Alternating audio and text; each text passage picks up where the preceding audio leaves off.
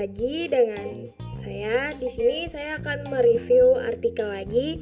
Yang pertama itu ada multidisiplin tentang keamanan di bab 1. Keamanan ada di mana-mana dalam kehidupan kita sehari-hari, dari hal-hal sepele yang tampak seperti mengunci pintu depan rumah, memakai helm untuk bersepeda bersama anak-anak pada hari Minggu sore yang cerah, atau mengingat jumlah sandi pintu, hingga masalah yang lebih signifikan seperti menangani masalah kekerasan, memantau proliferasi nuklir, dan membatasi konflik-konflik keamanan. Nah, dalam bab ini memperkenalkan lima elemen konsep pemersatu dan bidang kesamaan multidisiplin untuk keamanan. Pada bagian pertama, di bab ini membahas masing-masing elemen pemersatu dalam lebih detail loh. Bagian keduanya menyajikan kontribusi dengan fokus pada penelitian substansif dan alat analisis. Setiap disiplin menawarkan sambil menjalin dan merem menempatkan kontribusi ini dalam studi multidisiplin keamanan. Banyak antropolog melihat keamanan sebagai sekumpulan wacana yang ditanamkan kekuasaan, pendekatan yang sangat beragam.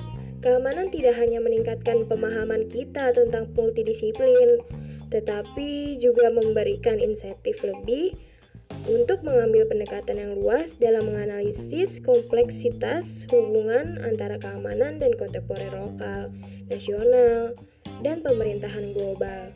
Berawal dari asumsi bahwa rasa tidak aman adalah gangguan jiwa yang tidak diinginkan.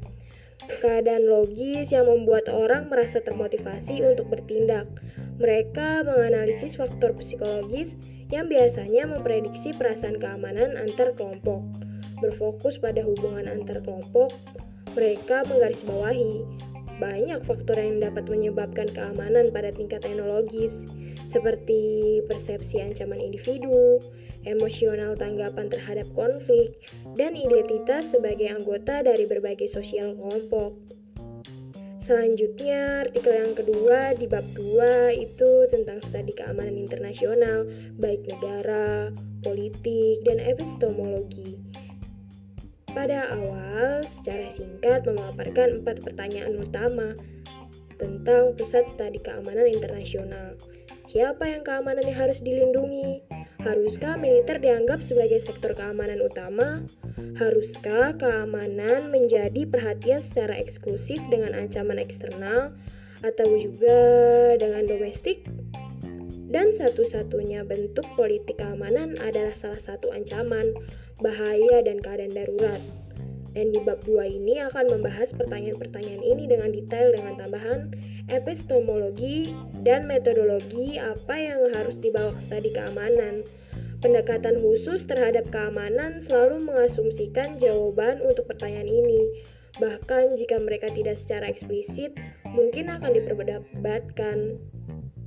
Jawaban-jawaban ini sangat penting batasannya tidak hanya untuk bagaimana keamanan didefinisikan, tetapi juga untuk jenis apa proyek penelitian dan analisis dilakukan. Konsep keamanan ini mendefinisikan negara sebagai objek rujukan, penggunaan keamanan sebagai perhatian utama, ancaman eksternal sebagai yang utama, politik keamanan sebagai keterlibatan, dan mempelajari keamanan melalui positif rasionalisis epistemologi dan di bab ini dikhususkan untuk proses sejarah dan tradisi politik, pemikiran yang telah signifikan untuk menghasilkan konsep keamanan ini. Memiliki pemahaman tentang proses-proses ini penting, tidak hanya sebagai sejarah yang bagus latar belakang perspektif konkret, tetapi juga perspektif ini memberikan resolusi pada klasik masalah politik dan normatif. Dengan demikian, konsepsi keamanan individu dan kolektif negara terkait erat. Keamanan negara menyiratkan resolusi tertentu untuk masalah keamanan individu dan keamanan kelompok. Sejak saat itu, individu selalu berada dalam hubungan dengan individu lain.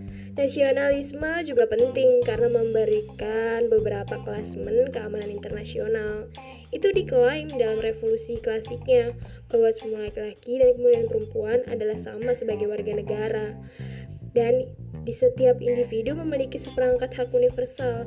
Jika negara terorganisir sesuai dengan hak-hak tersebut dan cita-cita demokrasi, kemudian akan menjadi langkah menuju masyarakat yang lebih baik di dalam negara bagiannya.